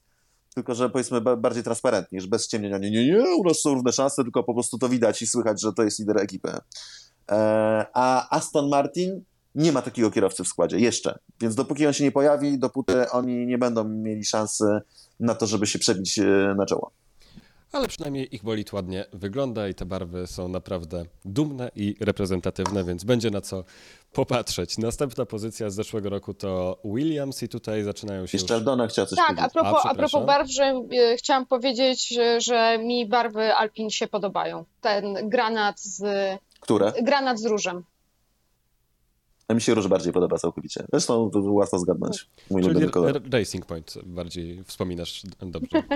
Też. Ja tak. Też. Zdecydowanie. Lecimy dalej. E, Dobra, wra- wracamy do Williamsa. Tutaj zaczynają się nowości. Nicolas Latifi, a tą nowością jest Aleksander Albon, który wraca do Formuły 1 i nie ukrywam, że jestem bardzo zadowolony z tego powrotu. Żal mi trochę było Aleksa, e, żal tego, że nie przetrwał w Red Bullu, ale jak już nieraz w podcaście powtarzaliśmy, ciężko jest przetrwać przy Maxie e, Verstappenie i trzeba mieć mocną psychę. I tutaj jestem ciekawy, jak wy oceniacie ten pojedynek. Czy wracający Alex Albon jest lepszym kierowcą niż Nicolas Latifi? Bo gdybym miał strzelać i obstawiać na coś, to obstawiałbym właśnie Alexa niż Nicolasa. Wydaje mi się jednak po prostu jakimś bardziej wyrazistym kierowcą, który coś jednak nam na torze pokazał. Może nie było to wybitne, ale jednak coś pokazał. Cezary. Alex, zdecydowanie Alex Albon też mnie cieszyło, że naprawdę to było widać, że Anglicy mówią, Aldona powiedziała cup of tea, to ja mówiłem hit the ground running, czyli że od razu jakby zaczął biegać zanim, za- zanim zaczął się chodzić, mówiąc w skrócie. E, chyba na polskie tak to będzie najlepiej przetłumaczone. E, w Williamsie, po tym roku przerwy, e, z dużą taką motywacją, z błyskiem. Fakt jest taki, że Latifi e, no to nie jest jakby najbardziej utalentowany kierowca w historii Formuły 1, mówiąc delikatnie. Więc, e, aczkolwiek solidny. No, Latifi ma w sobie solidność, naprawdę. Pamiętajcie, że kiedy Williams zdobył punkty dwa lata ponad po tym, jak Robert zdobył punkty dla nich, to kierowcą, który zdobył więcej punktów, był Nicolas Latifi, a nie George Russell. Latifi dojechał wyżej, więc solidność ma w sobie. Tylko nie ma błysku, mówiąc w skrócie, i, i aż tyle prędkości. Więc e, jeśli chodzi o po- porównanie teammateów, no to Albon. Albon zdecydowanie Albon. Ciekawe, czy czas tego nie zweryfikuje tej pewności, zawsze jest wesoło wtedy. Natomiast ja absolutnie stawiam na Albona. E, jeśli chodzi o Williamsa, ciekawie zaczęli ten sezon i wydaje mi się, mi się wydawało, że im idzie bardzo dobrze, ale to Wiesz jest co, kwestia tego, im że też cały się czas wydawało, do- na Williamsa przez pryzmat Przepraszam cię, tylko ci, 2019. tak, tylko ci się, Mhm. tylko ci się yy, włączę. Im też się wydawało, że im idzie bardzo dobrze, dopóki nie przyznali, że jednak nie idzie im bardzo dobrze i są, i są z tyłu. Mhm. Yy, wracając, mówisz, że patrzysz na to przez pryzmat 2019. No tak, to Tak, tak, Williamsa, więc nie, niewiele ciągle Williams potrzebuje zrobić, żebym powiedział wow, bo tak w 2019 roku to była po prostu jakaś totalna masakra. To nie był zespół Formuły 1, be- bez ścian wątpliwości. E, natomiast ktoś musi przegrać, albo inaczej, nawet jeżeli nie przegrać, ktoś musi być z tyłu stawki. I niestety tak bardzo jak kibicuję Williamsowi i bardzo lubię Ostaka Pito, szefa Williamsa, to jednak e, ostatecznie wydaje mi się, że obraz jest bardzo niejasny, ale jeżeli mamy kogoś obstawiać, że kto będzie z tyłu stawki, to będzie grono Aston Martin, Williams i Alfa Romeo, nie wyprzedzając faktów. To są te trzy ekipy. I Williams jest jedną z nich, moim zdaniem. E, No, mi też się niestety wydaje, że oni będą gdzieś dziewiąte, dziesiąte miejsce em, obstawiać Mhm. i e, no właśnie, tak jak powiedziałam, mi też się wydawało, że dobrze zaczęli, dopóki się nie okazało, że jednak, e, że jednak są problemy. Pożar w samochodzie Nicolasa Latifiego z powodu tylnych hamulców, więc też problemy na testach z niezawodnością. Myślałem, tak. Słucham? Powiedziałeś, jak pożar w samochodzie Latifiego, to już sobie wyobrażałem, że wiesz, że siedzi i wrzucił kiepa do tego, do kokpitu, ale... Nie, to hamulce Fantazja. były, to, to tam z tyłu. To tam, może wiesz, wyrzucił go do tyłu po prostu, jak jechał. I poszło. E, Więc no, ktoś musi być na końcu i niestety, niestety to będzie Williams. Ciekawe będzie zobaczyć, e, jak e, Alex Albon na tle Latifiego wypadnie też w tym kontekście, że do, George Russell, owszem, on oczywiście znał o wiele lepiej ekipę, miał już duże doświadczenie w tej ekipie, Alex będzie się uczył wielu od nowa, ale oni są z tego samego pokolenia i o ile Russell pociągnął ten zespół do, do, do, do wyników ponad stan, o tyle ciekawie będzie zobaczyć, czy Albon też będzie w stanie, chociażby w drugiej części sezonu, jak już trochę się bardziej wdroży, zrobić to samo i też być e, taką, takim liderem ekipy, jakim był George. Tak samo jak kibicowałem Aleksowi w Red Bullu, tak samo będę to robił w dalszym e, ciągu. No miły chłopak, po prostu. Sympatyczny, więc e, jak, jest, e, jak taki jest, to czemu by mu nie kibicować. E, dalej zmierzamy już do, do, do końca i niestety tutaj na, tym, na tej niechlubnej przedostatniej pozycji w zeszłym roku była Alfa Romeo i tutaj kolejne zmiany. Joe Guanyu i Valtteri Bottas. Tutaj też wydaje się, że byśmy chyba raczej wszyscy stawiali na Valteriego, zwłaszcza patrząc na niektóre przejazdy Guanyu z testów. Aczkolwiek może czeka nas jakieś azjatyckie zakończenie, e, zakończenie, zaskoczenie w końcu. Nie wiem, co wy o tym sądzicie. Aldona. No, niestety Alfa Romeo miała duże problemy podczas testów, bardzo duże problemy z niezawodnością na początku, które sprawiły, że ten przebieg był bardzo skromniutki, a o to walczysz na samym początku. I tych dni, tego czasu na torze, które Alfa straciła w Barcelonie, nie nadrobisz. I to będzie widać, to będzie im się odbijało e, czkawką na, na, na, na początku tego, tego roku, oby, e, oby jak najkrócej. Ale w tej chwili wygląda na to, że Alfa, mimo tego, że w Bahrajnie już trochę pojeździli, niestety mm, to będzie w gronie tych ekip e, zamykających stawkę. Walteri Bottas będzie liderem tej, tej ekipy. Guaniu Joe, czy Joe Guaniu e, jest, e, jest tutaj jedynym debiutantem w stawce i nie jest to kierowca o tak błyskotliwej renomie, o renomie tak błyskotliwego kierowcy, jaką mieli inni, którzy wchodzili e, jeszcze parę lat temu, wtedy, kiedy na przykład właśnie wchodził Joe Russell, Lando Norris. Joe nie jest, nie jest na tej półce, więc wszystko na barkach Walteriego. E, ciekawa jestem tylko, jak tam będzie z jego motywacją, bo związał się z zespołem na, na kilka lat, a już widzi też mówi o tym otwarcie, że jednak sposób operowania tego zespołu w porównaniu do zespołu, z którego przyszedł, no jest jednak nieco inny. No z całą pewnością liderem zespołu będzie Walteri Bottas, bez cienia wątpliwości. Eee, znaczy chyba, że się nagle okaże, że Joe to jednak jest super talent w ogóle, jego, jakiego Forma 1 wcześniej nie widziała na miarę Lewisa Hamiltona, w co bardzo wątpię, bo to by pokazało w kategoriach juniorskich. Znaczy ja nie wątpię, że jest kierowcą, który się nadaje, czy inaczej, nie mówię, że tak jest, bo wątpisz, no może trochę wątpię. Natomiast no, Valtteri Bottas bardzo solidny, bardzo doświadczony, dojeżdżalski, kierowca, który dowozi punkty. Bierny podczas walki, tak, niestety, tam, jeśli chodzi o takie rzeczy, to się nie ogarnia za dobrze, co z tyłu stawki mu nie pomoże, ale przynajmniej wykorzysta wszystkie szanse. Natomiast Alfa Romeo nie. Czyli z nowym bolidem pokazali znowu, że, bo to był bardzo ciekawy projekt, bardzo, bardzo interesujący i widać było, że zaawansowany, że jeśli chodzi o dział aerodynamiki działa bardzo dobrze, e, działy mechaniczne trochę gorzej, bo dużo awarii, no, głównie właśnie mechanicznych, to, to, to był problem Alfa Romeo. E, i obodwa skrzyni biegów tak zrobione samodzielnie, nie od Ferrari, bo miały inną koncepcję zawieszenia i w związku z tym awarie skrzyni biegów, na przykład kilka różnego rodzaju. E, więc, więc no, no, to wygląda bardzo niepokojąco. E, natomiast e, hmm, Zrobimy sklejkę, dobra? No, bo zdychaj, się... zdychaj. kombinuj, kombinuj. Nie, nie, nie.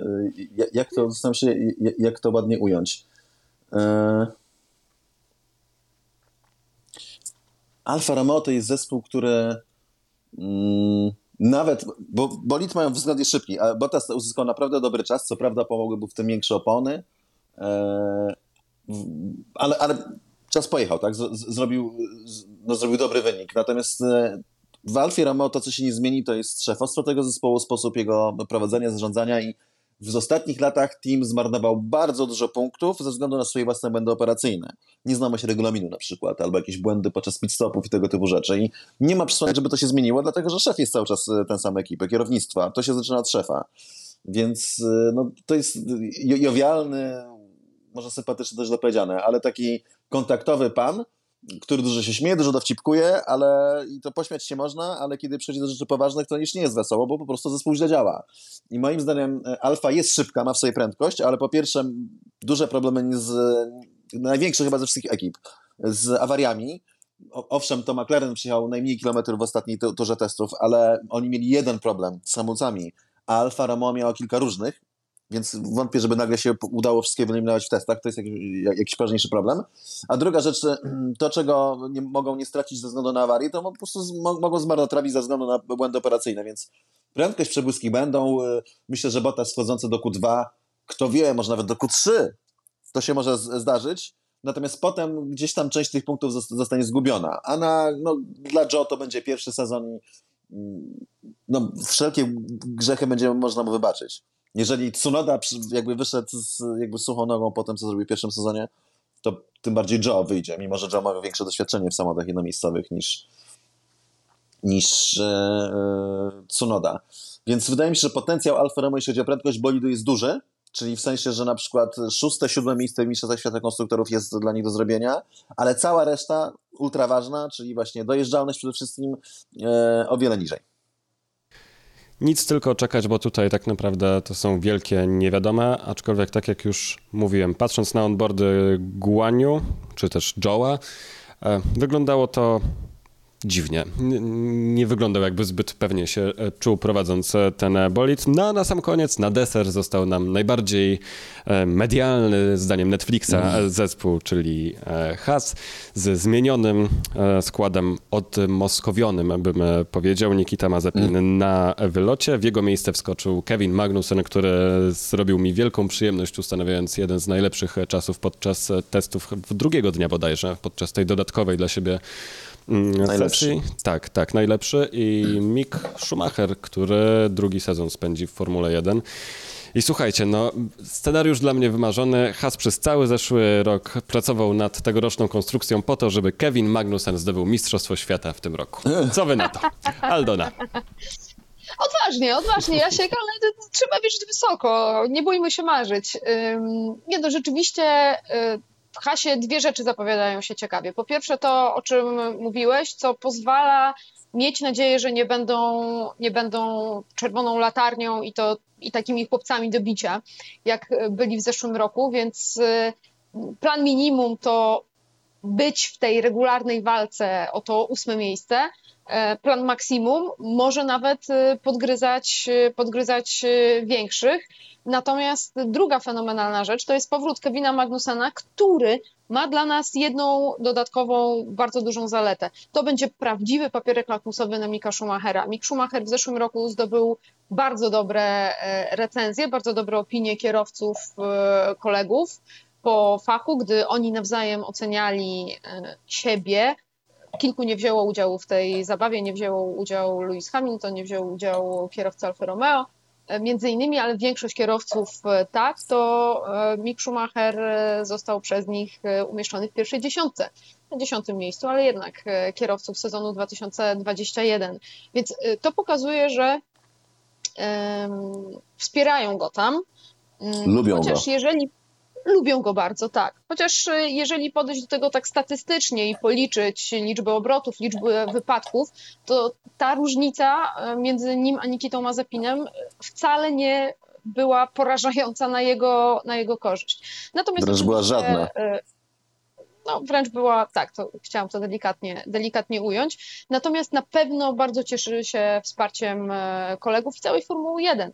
Ale Trzeba na to spojrzeć y, chłodno i sportowo. Nikita Mazepin nie był dla niego żadnym y, rywalem. Kevin Magnussen będzie dla niego ogromnym rywalem. I y, okej, okay, to jest Kevin Magnussen, który wraca po przerwie, ale to są nowe bolidy dla wszystkich. Kevin Magnussen jest doświadczonym kierowcą i to Kevin Magnussen pokaże nam, ile jest warty Mick Schumacher w tym sezonie. Jeśli chodzi o zeszły sezon, to wydaje mi się, że trzeba pamiętać. Znaczy, Mick faktycznie zebrał dobre recenzje, bo jest kierowcą, z którym się dobrze ściga, w sensie, że nie robił za dużo problemów faktycznie inteligentny. No, generalnie rozumiem, dlaczego inni kierowcy lubią. Pusto jest syn e, Michała Schumachera, natomiast w porównaniu z Nikitą Mazepinem, jaki by nie był Nikita Mazepin, trzeba pamiętać, że był po prostu, co to mówić, rypany fest przez e, Hasa i ja rozumiem, że to teraz jest jeszcze bardziej niepopularne nazwisko, bo są oligarchy i w obecnych czasach no, absolutnie słusznie Formuła 1 w taki czy inny sposób go pozbawiła miejsca. Natomiast e, bo ludzie sobie nie zdają sprawy z tego, że im się wydaje, że on ma ludzi, ale jak on mówi o tym, że Mick Schumacher dostał nowe nadwozie, że na niego zbudowali, a on dostał nadwozie, które miało, czy tam podwozie, chassis, które miało cały poprzedni sezon, to jest ogromna różnica z punktu widzenia kierowcy wyścigowego. To nie jest tak, że o, co on tam ma rodzić, przecież wygląda tak samo. Nie, to jest, to jest kosmiczna różnica, bo w tym sporcie walczysz o ułamki sekund i podwozie, które jest po pierwsze cięższe, było cięższe, bo pospawane, poklejone, a po drugie e, jest stare, to jest po prostu podwozie, na którym dużo tracisz, bo na przykład nie masz sztywności. I on był z góry skazany fakt, że tak to podzielono, mimo tego, że Steiner zapewnia go w Drive to Survive, że nie, nie, nie, bolidy są równe i wszystkich, to jest gucia prawda. Mazepin miał gorszy bolid, był gorzej traktowany i tyle. Więc to, że Mick Schumacher lepiej wypadł na jego tyle, chassis. Tak, ale cały czas, jeżeli tak, takie mieli do niego podejście, to nawet jak dostał nowe czasy, to, za które zapłacili zresztą Mazepinowie, to cały czas był traktowany gorzej. To be- bez cienia wątpliwości był kierowcą B w tej ekipie. Więc to, że Mick Schumacher go pokonał, to wcale nie świadczy o tym, że był od niego lepszym kierowcą. Nie mówię, że nie był, ale to, to, to o tym zupełnie nic nie świadczy. E, natomiast e, Magnussen będzie na niego, zgadza się, papierem lakmusowym, tylko że są bardzo ciekawe różnice między tymi kierowcami. E, Mick jest lubiany, Magnussen jest nielubiany, bo jest hamem na torze. To po prawda, prostu, co to znaczy? Jest hamem, burakiem e, i jego tekst ten suck my balls, tak? Czyli si moje kulki, który puścił, wzorując się na Cartmanie oczywiście z South Parku, e, do, e, k- które puścił do e, Hulkenberga. You're było po tekście- balls, Jerry, you're breaking Tak, my tak. balls. Kolejny Przywołując tekst cytat. Naprawdę. Tak, tak, tak. To, to jakby pokazuje jego podejście na to, że naprawdę się nie umieją z nim ścigać, bo po prostu, tak jak się mówiło, że Max tutaj, e, Verstappen brutalnie i tak dalej, to e, Magnussen regularnie, regularnie tak jeździ. I Magnussen, to jest dla mnie niesamowite, że on wrócił do tego sportu, że go ściągnęli, bo z całą sympatią to jest solidny, szybki kierowca, moim zdaniem lepszy kierowca od Miko, od Schumachera. To jest też kierowca, który popełnia dużo błędów który zmarnował dużo punktów bardzo dla, e, dla Hasa. I być może wynikało to z tego, że był w wybuchowej kombinacji z Romanem Grożonem, który też był królem marnowania punktów i zderzania się z kolegą z ekipy. Ale może nie tylko, może to jest po prostu w samym Magnusenie, więc... A Mick z kolei jest tym, który jednak jest dojeżdżalski. E, I sądzę, że nie jest tak utalentowanym i szybkim, ale już na pewno nie jest tak e, doświadczonym kierowcą jak Magnussen, ale wydaje mi się, że nie zmarnuje tyle punktów. Co prawda to Mick na, narobił największy szkód w zeszłym roku w, e, w całej Formule 1. Nikt tak bolidów nie porozbijał jak Mick Schumacher, o czym się nie mówi. Natomiast e, to jest kierowca, który się uczy, jest inteligentny i moim zdaniem może wygrać z Magnussenem tylko na tej zasadzie, że nie będzie marnował punktów, które zmarnuje Magnussen. Będzie być może trochę od niego wolniejszy i gorszy, ale jednak będzie dojeżdżał do mety. Natomiast Haas jest tutaj nieciekawszym e, zjawiskiem, dlatego że no zdaniem niektórych, na przykład Mark Hughes uważa, że Haas mógł być nawet piątym najszybszym bolidem e, podczas testu. Lando To Norris nie znaczy, tak mówił, będzie w że być może McLaren będzie rywalizował z Hasem. Tak, znaczy no, to, to, to bym się nie obawiał, bo, bo McLaren ma Lando Norrisa i Dania Ricardo, a Haas ma Mika Schumachera i Kevina Magnusena, więc yy, no jednak no, McLaren ma, ma moim zdaniem wiele lepszy skład. Plus operacyjnie jest lepszym na pewno zespołem. To jest po prostu, no Haas to jest jednak taki trochę team wydmuszka, tak? Z outsourcingu i te, team jakby satelicki Ferrari, co akurat jest ich mocną, e, mocną stroną. Dzięki temu mogą pójść w górę. Więc e, mi się wydaje, w obrębie zespołu obstawię jednak Magnusena, który jest lepszym kierowcą, ale z tym prowizją, że, że jednak e, Mick może go po, pokonać. Natomiast no, duże oczekiwania. Myślę, że w tej grupie pościgowej Haas może aspirować na piąte, może, no, ale może nie, ale szóste, szóste, siódme miejsce w Mistrzostwach Świata Konstruktorów Haasa mnie nie zdziwi. Ja szczerze mówiąc zupełnie nie jestem w stanie sobie wyobrazić tego, jak Has będzie funkcjonował w tym roku, bo to, do czego się przyzwyczailiśmy po ostatnich dwóch latach, zupełnie jakoś ciężko to ominąć i wyobrazić sobie, że wszyscy zaczynają e, zupełnie od zera. Słuchajcie, kończąc takie to taki przegląd tego, co się wydarzy w tym roku w poszczególnych zespołach, kogo obstawiacie jako top 3 i top 3 na, na dole? Po trzy zespoły, bo ośrodek to mniej więcej wiemy, ale gdybyście mieli wytypować trzy najlepsze i trzy najgorsze zespoły, to są to. Cezary. Red Bull, Ferrari, Mercedes niekoniecznie w tej kolejności. A najgorsze? Eee, Williams, e, Alfa Romeo i Aston Martin. Aldona? Niekoniecznie w tej kolejności. Przepraszam. Ferrari, Red Bull, Mercedes, Williams, Alfa Romeo i jednak Haas. To e, słuchajcie, wszyscy sobie zanotujcie te przewidywania i pod A ty? koniec roku się spotkamy. Mi się wydaje Aston Martin. Obawiam się, że Alpine na końcu. i być może Williams. Od góry zostanę z Wami Ferrari, Mercedes i Red Bull. Tyle, jeżeli chodzi o przegląd tego, co będzie się działo w tym roku i tego, jak, jak patrzymy na to, co, co, co będziemy obserwowali już od najbliższego weekendu. A najbliższy weekend to Grand Prix Bahrainu, do którego się teraz wybierzemy. Mówiliśmy już w podcaście... Teraz, przepraszam, że tak ci słowo, teraz właściwy codrive, który będziemy robili przed każdym wyścigiem. Tak, generalnie słuchajcie, e, ideą naszych spotkań tych odświeżonych jest to, że będziemy robili krótsze odcinki, tak jak widzicie.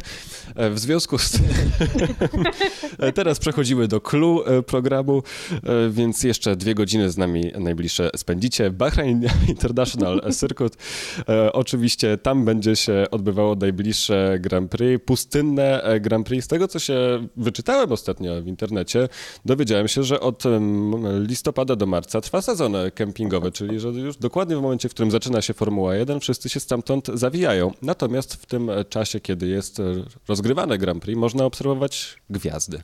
Piękne, gwieździste niebo, więc jakbyście się wybierali do Bahrajnu, to teoretycznie możecie zobaczyć ładne niebo. Czy możecie to potwierdzić, czy nie mieliście czasu za bardzo? Jedyna gwiazda, jaką obserwowałem w Bahrajnie, to, to Lewis Hamilton. Hamilton Myślę być szczery. Chociaż było jeszcze może jakieś kilka znanych osób. E, nie, no. Szczerze mówiąc, niebo nie zwróciło mojej uwagi w Bahrajnie tak bardzo, e, bo jest podobne jak u nas, mówiąc w skrócie. Natomiast bardzo lubię tam jeździć, generalnie bardzo lubię tę wyspę, bardzo lubię już sami klimat, w sensie człowiek wysiada z samolotu i czuje ten zapach e, pustyni. To jest niby wyspa, ale jest pustynna. E, pogoda jest fantastyczna w Bahrajnie i szczerze mówiąc, się tam bardzo dobrze czuję. E, Chciałam były... powiedzieć a propos pogody, że ja w ten weekend będę marznąć. Why? Zimno? Bo, tak, bo, bo jest ochłodzenie w Bahrajnie, 22 stopnie w piątek, 24 w sobotę, 26 w niedzielę i do tego chmurki, więc ja chciałam powiedzieć, że będzie zimno i oprócz tego, że mi będzie zimno w mój szanowny tyłek, to ma to też taki e, wpływ sportowy, że podczas testów było 34, 34, 36. E, no to tak komu się wydaje, że zna Hamulce McLarena biją brawo. Się... Exactly.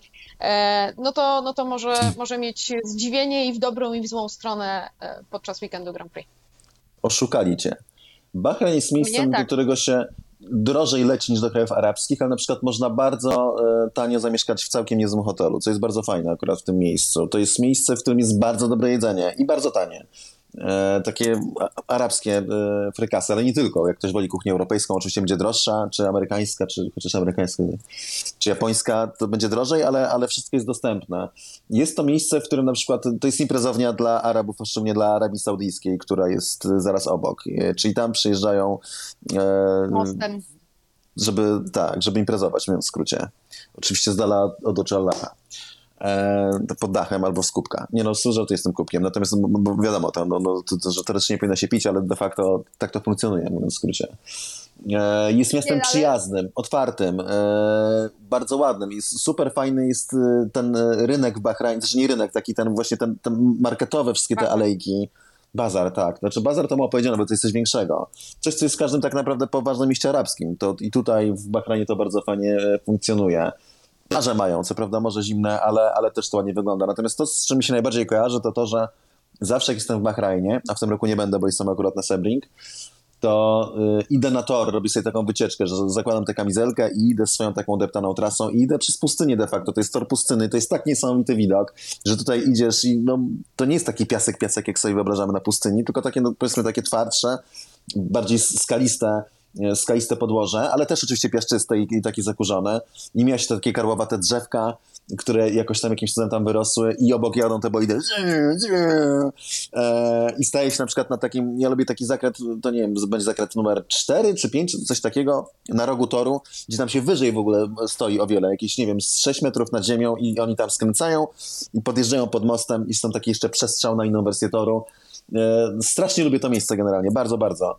E, chociaż wyścigi nie są tam porażające. Ostatnimi czasy lepsze, ale generalnie no, nie jest to jakiś tor, na którym jest największy show. Natomiast e, no, uwielbiam iść do Bahrajnu i trochę mi szkoda, że w tym roku mnie tam nie będzie. Zazdroszczę Aldonie. A ja chciałam powiedzieć, że jeżeli będziecie w Bahrajnie, to nie dajcie się oszukać na wycieczkę na drzewo życia. To jest w ogóle jakiś... Ściema. Jakiś... Jakaś ściema, tak. No rzeczywiście jest piach, piach, piach i krzak. Ale żeby krzak, jakiś to suche, nie, bo nawet nie kwitnie chyba już to drzewo, co? Ja tam byłem w 2006 No. roku, jak byłem pierwszy raz w Bahrajnie. I Y, to Dałeś się tylko naciągnąć. Jest Aha. dużo gorzej. to, no pojechaliśmy, zwiedzaliśmy wtedy Bahrain, ale Bahrain się bardzo rozwinął od tego czasu. W byliśmy, który zaraz obok toru. Ale, ale drzewo się nie rozwinęło, także tam, tam, to, tam to nie. Co do y, kubków, to, to masz absolutną rację z tymi, z tymi kubkami, bo y, nie możesz tam y, spożywać alkoholu na ulicy. W związku z tym, jeżeli trafisz do restauracji, która ten alkohol podaje, a siedzisz w ogródku, a jeżeli jest ciepło, tak jak było w zeszłym roku, a nie tak jak będzie teraz, to siedzisz w ogródku, to dostajesz piwo w papierowym kubeczku z napisem Coca-Cola, no bo nie wolno. To nie jest piwo. Więc, więc generalnie tak, wtedy, wtedy, wtedy to nie jest y, piwo, natomiast, y, natomiast y, na sam tor się fajnie jedzie, bo on jest właśnie pośrodku niczego, z pół godziny drogi od stolicy i taką masz pustynię, pustynię, pustynię, pustynię i nagle, i nagle ten tor na środku i też bardzo tam wieje. Często o tym, o tym trzeba pamiętać, to sprawia, że w ciągu dnia, nawet jak jest upał i sobie siedzisz i marzysz o tym, żeby się schłodzić, to potem zakładasz kurtkę zimową, bo jak tylko słońce zajdzie i zaczyna wiać, to naprawdę, naprawdę się robi zimno i też bolidy rok temu bardzo cierpiały z tego powodu, kierowcy bardzo cierpieli. Jest fajna strefa dla kibiców, e, która też ma taki wielokulturowy wymiar, ponieważ e, z jednej strony masz te wszystkie atrakcje, które kojarzysz z, z europejskich torów, jakieś sklepiki z pamiątkami, jakieś tam sekcje tutaj pit stop, tu coś, a z drugiej strony muzyczka arabska i, i miejscowi, którzy na poduniach sobie siedzą z shiszami, więc e, takie starcie kultur, ale w bardzo, w bardzo fajny sposób.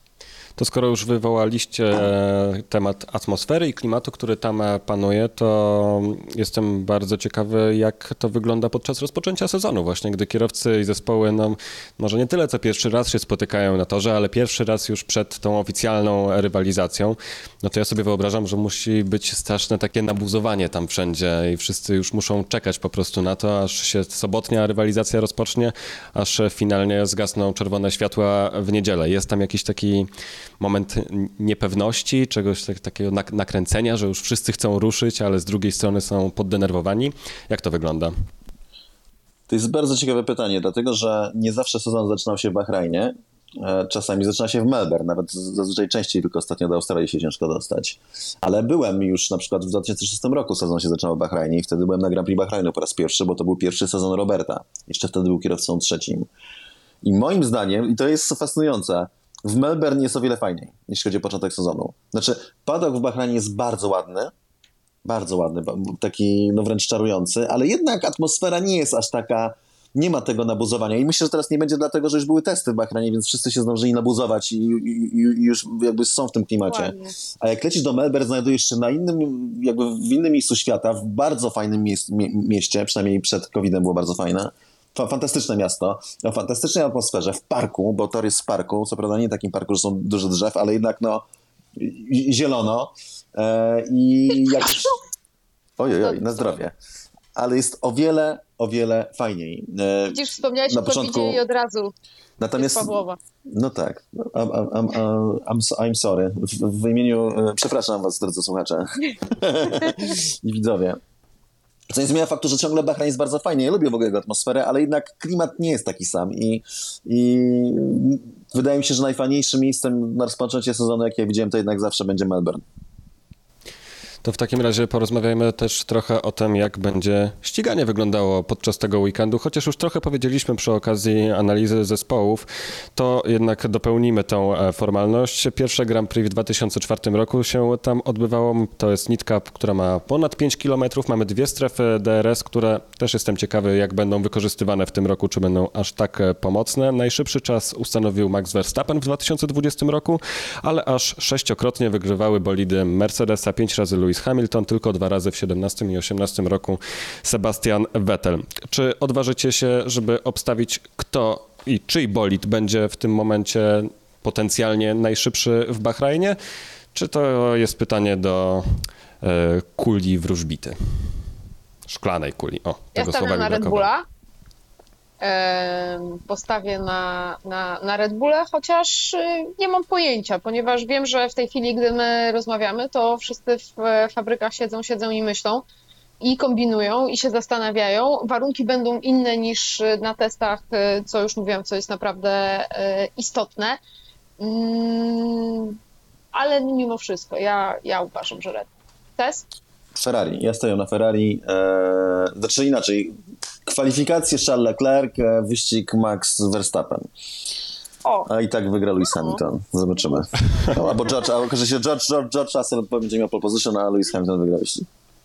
No właśnie. Wiecie, ten... na pewno trzeba się nastawić na, na, na, jedną rzecz. Gdy jesteśmy na testach, to słyszymy, nie, to tylko testy, to tylko testy, poczekajmy, poczekajmy na, e, na weekend wyścigowy. Gdy jesteśmy na weekendzie wyścigowym, słyszymy, no kwalifikacje ważne, ważne, ale to dopiero pierwszy tor, e, to, to jeszcze, jeszcze poczekajmy. E, jeszcze przynajmniej z cztery wyścigi na różnych torach, to wtedy dopiero zobaczymy. Więc to jest takie standardowe chodzenie wokół siebie na początku sezonu, standardowy rytuał i też to teraz będzie się działo, więc y, jeżeli wszyscy po testach czekają jak na zbawienie, na kwalifikacje w sobotę w Bahrajnie, bo one coś powiedzą, tak, coś powiedzą, ale y, z tym zastrzeżeniem, że poczekajmy na inne tory, na inne warunki i naprawdę potrzeba będzie kilku Grand Prix, żeby ten y, układ sił ocenić bardziej długofalowo. To w takim razie sięgnąłbym jeszcze pamięcią do zeszłorocznego Grand Prix, bo oczywiście zaczęliśmy z grubej rury, że tak powiem, i Lewis Hamilton e, sukcesywnie wyjeżdżał kilka razy poza tor.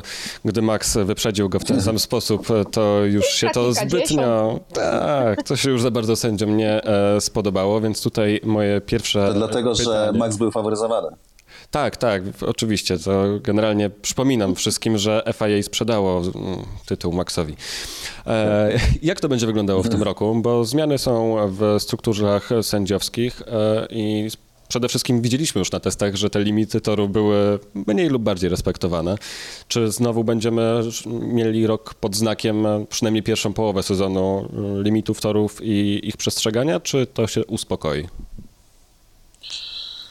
Ja tylko jeśli mogę, y, Cezary, się wtrącić z jedną rzeczą, to znaczy teraz już to śmiejemy się, bo, bo, bo co możemy zrobić, ale, ale trzeba mm, podkreślić, że jednak y, to, co się wydarzyło w Abu Zabi było, było ogromnym błędem po stronie, po stronie Michaela Masiego zarządzającego wyścigiem i... No, czy ogromnym to polemizował. To... to był błąd, no. Okej, okay, to był dobrze, to był, masz rację, to był błąd i też tak jak e, wiele osób mówiło, gdyby to się wydarzyło w środku sezonu, to pewnie, pewnie by zniknęło, mm. niestety też w, wśród innych błędów, a ponieważ to był taki moment i taka, taka stawka, to to, to, to odbiło się to takim, a nie innym echem i miało takie wielkie konsekwencje. E, natomiast e, przyznając, że to był, że to był błąd Michaela Massiego, trzeba jeszcze zauważyć dwie rzeczy. Po pierwsze, to nie była jednostkowa sytuacja, tylko to była sytuacja, mam na myśli całą dynamikę też relacji między Massim a zespołami, która narastała przez cały sezon. To był kolejny błąd Michaela Massiego w tym sezonie. E, to druga rzecz. No i e, trzecia rzecz e, wreszcie, która w tej chwili mi wypadła z głowy, a była najważniejsza. A, wiem, że to nie umniejsza rangi tytułu Maxa Verstappena. A to Mercedes by się z tą nie zgodził, wiesz? No, co prawda, rozumiem, co prawda rozumiem, ale... mówił to, to kilka razy, że Max został zasłużył na mistrzostwo, ale oprócz tego mówił wszystkie rzeczy, które konsekwentnie, które świadczą o tym, że nie zasłużył na ten tytuł. No, no bo tak to wygląda, no i, nie?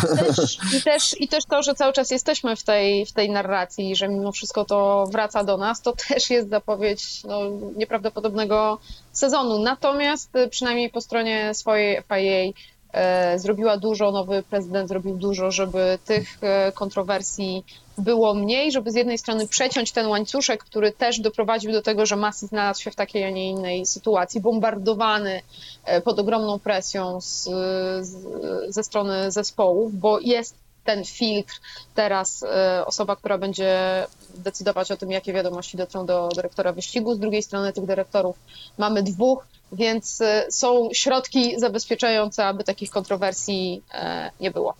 Moim zdaniem to jest gra pozorów. W sensie, że e, owszem, te decyzje ja mają sprawić, żeby te wyścigi, że wyścigi będą e, tak bardziej transparentne, ale cały czas będzie wszystko zależało od decyzji i moim zdaniem tak naprawdę pod przykrywką tego, że ma być lepiej, ma być poprawione, e, tak naprawdę Mercedes się umocnił jako zespół taktowny preferencyjnie i tak samo Lewis Hamilton. Mogę się mylić, mam nadzieję, że się mylę. Natomiast e, moim zdaniem, jeśli chodzi o samego prezydenta, to on pokazał bardzo dużą uległość wobec Luisa przede wszystkim, czyli e, Luis go olał, co mi akurat się podoba, bo to było zabawne, nie odpowiadał na jego wiadomości. E, mimo tego został potraktowany priorytetowo. Dla niego zwolniono Massiego, bo taka jest prawda. Massi sobie zasłużył, co prawda, na to, ale nie za Luisa, tylko za całokształt. I gdyby nie presja Mercedesa, który działał w imieniu Luisa, to Massiego nie zwolniono. Więc to po, raz kolejny pokazano, że FIA działa jednak, że, że tutaj też Luis, Luis. E, no to, to, Niewątpliwe. E, I na przykład to też często pytają czytelnicy e, i słuchacze, czy FIA zrobiła na przykład coś z tym, że Luis nie pojawił się na gali FIA, chociaż powinien był i to było obowiązkowe. Złamał przepis. I fakt, że nie ma żadnej sankcji z tego powodu, to jest najbardziej takie, obrazuje, co się tak naprawdę dzieje, bo to naprawdę nie trzeba było wiele. Wystarczyło dać mu jakąś głupią grzywnę typu, nie wiem, ile Max dostał? 25 tysięcy euro? 50 tysięcy euro? Za to skrzydło? Chyba Czy 20? Wystarczyłoby mu dać tę grzywnę, nie wiem, niech będzie nawet jako 5 euro. Ale co, żeby tylko zaakcentować, że Lewis Hamilton nie pojawił się na gali, nie spełnił e, zobowiązania wobec FIA, w ten sposób podważył mistrzostwo Verstappena, to samo zrobił e, Toto Wolff, to dokładnie o to chodziło i nie dostał za to żadnych sankcji, co oznacza, że jest tak naprawdę preferencyjnie. Yy, wszelkie sygnały wskazują na to, że pod tą, jakby, pod tą przykrywką, że będzie lepiej i równiej, tak naprawdę tylko się wypracowało jeszcze więcej, jeszcze więcej takich e, możliwości, żeby, żeby był faworyzowany Hamilton i Mercedes. Moim zdaniem. Może się, mam nadzieję, że się mylę. Natomiast e, ta, tak to wygląda. Co do nowych sędziów wyścigu, będą musieli, musieli, musieli dużo nauczyć. Ja wiem, że to są ludzie z doświadczeniem, z dobrymi referencjami, ale Formuła 1 to jest coś innego niż Y, czy niż DTM. Plus dodam jeszcze, i to jest bardzo oczywiste, że zarówno w DTM-ie, a nawet szczególnie w DTM-ie, jak i w WEC-u, czy w LMS-ie, to, który bardziej obserwowałem, ale też w WEC-u tak, też tak bywało, są przykłady podejmowanych decyzji, które można, nawet jeżeli się ma, nie wiem, nie ma racji, to z całą pewnością można stwierdzić, że można podejrzewać, że były podyktowane e, jakością widowiska, że, że można było to rozgrać inaczej, tylko że wtedy y, wyścig by stracił na widowiskowości. I to naprawdę jest dużo takich sytuacji, więc Masi zrobił coś, co zdaniem Hornera nie złamał regulaminu, zdaniem innych złamał i to była kwestia dyskusyjna. Nikt nie wie do końca, jak jest, bo, bo ostatecznie nie było pro, procesu, więc też, też nie jest do końca powiedziane, czy Masi złamał. Moim zdaniem regulamin jest tak ułożony, że Masi by wygrał, nie? miałby rację. Więc e, Masi nagiął regulamin, czy popełnił błąd po to, żeby był spektakl do końca sezonu, został wywalony za to i wchodzą dwaj y, ludzie, którzy wielokrotnie w wyścigach, które sędziowali, robili wszystko, moim zdaniem, nie tylko moim, żeby był większy spektakl. Więc gdzie, tu, gdzie jest zmiana? Gdzie, gdzie, gdzie jest polepszenie? Nie ma. To jest, to jest po prostu kontynuacja, tylko jeszcze ze wskazaniem na to, że lepiej Luisa i Mercedesa lepiej nie ruszać. I teraz jak jest dyskusja, jeszcze to jest najciekawsze, że e, Binotto powiedział na, na konferencji, że to on nie ma zastrzeżeń co do nowego Mercedesa, ale mówią od lat o tym, że lusterka nie powinny być aktywne aerodynamicznie, a lusterka w Mercedesie są aktywne aerodynamicznie. I już ponoć chyba w tym momencie, czy we wtorek ma być dyskusja, dziś jest wtorek? Tak, tak. Tak. Znaczy wczoraj w zasadzie. Czyli dziś dyskusja, kiedy to nagrywamy, na temat tego, czy lusterka w Mercedesie będą legalne, to już Tom Bazis, szef techniczny FIA, którego też chciał wywalić Mercedes, za to, że wprowadził, że zatwierdził zmiany, które go spowolniły, ale się jakoś utrzymał na tym stołku, już mówi, że nie, no to w sumie to nigdzie nie jest napisane dokładnie, że te lusterka nie mogą takie być. I to jest pierwszy taki przejaw tego, że w sytuacji, kiedy jednak inne ekipy twierdzą, że Binotto mówi, że od lat o tym mówimy, ja, bo od lat to faktycznie tak było, że lusterka nie mają być aktywne aerodynamicznie, Mercedes robi aktywne aerodynamicznie lusterka, i to jest detal, ale bardzo ważny w tej konstrukcji, to nagle szef techniczny mówi, nie, no co w sumie oni to o tym debatują, ale ma taki punkt wyjścia, że że raczej to zostawi, znowu uznaniowo. Czyli podyktuje, bo zobaczymy, że tak będzie, ale daje sygnały, że podyktuje na, na korzyść Mercedesa. Może to tylko zasłona dymna i ostatecznie ustalą, że jednak nie. Natomiast e, no, bo, bo moim zdaniem to niestety to, są, to jest gra pozorów i tak naprawdę będzie tak samo albo jeszcze gorzej. Jak widzicie, sezon się jeszcze na dobre nie zaczął, a Cezary już się uruchomił i emocje się w nim obudziły, co pokazuje tylko. Tak, jak, tak, sieje kontrowersje. jak dużo może się e, dziać już podczas pierwszego weekendu. Na koniec e, być może najważniejsze pytanie do Was, bo w końcu te zmiany zostały wprowadzone po to, żebyśmy mieli na torze więcej ścigania. W zeszłym roku obejrzeliśmy 43 takie manewry, co wydaje mi się całkiem niezłym wynikiem. Na tor raz wyjechał safety car za sprawą Nikity Mazepina. Niestety już, znaczy niestety, niestety, to się nie powtórzy. E, Jestem ciekawy, co wy myślicie o tym pierwszym wyścigu? Jak on będzie wyglądał, tak abstrahując od całego tempa? Jak kierowcy będą się zachowywali w tej nowej sytuacji? Czy to będzie bardzo nudny wyścig, bo wszyscy będą się starali być bardzo bezpieczni i będą chcieli dojechać do mety i przede wszystkim odnaleźć się w tej nowej rzeczywistości? Czy jednak po prostu będzie walka od samego początku, bo w końcu to jest królowa motosportu i powinniśmy zobaczyć wielkie e, widowisko? Jak będzie wyglądał pierwszy wyścig? Aldona. Wyścig jak wyścig. Y, 20 punktów y, też do zdobycia na, na, na mecie, więc y, moim nawet zdaniem 25. walka tutaj. Słucham? A nawet 25. Powiedziałam 25. Bo, Nie. e, 20. Nie, 25. No dobrze, pardon. Piątkę zżarłaś, E, no dobra. 25, tak jest, 25 punktów do zdobycia e, na mecie, natomiast e, na pewno e, będzie dużo, dużo pytań i o to, jak się jechało za innym samochodem, e, jaka, jaki jest ten zysk, e, e, jeśli chodzi o wyprzedzanie. I to tak naprawdę Bahrain będzie dobrym torem, żeby sprawdzić chociaż trochę te nowe przepisy, ponieważ no, nie ma tam jakiegoś super dramatycznego ścigania zwykle, więc zobaczymy, czy nam się to widowisko poprawi. E, Z drugiej strony już e, wiemy i słyszymy od kierowców, że no okej, może łatwiej się jedzie za innym, ale, ale ten efekt wciągnięcia się w strugę aerodynamiczną za innym bolidem z kolei zmalał, co też będzie istotne na wielu torach, e, chociażby w kwalifikacjach.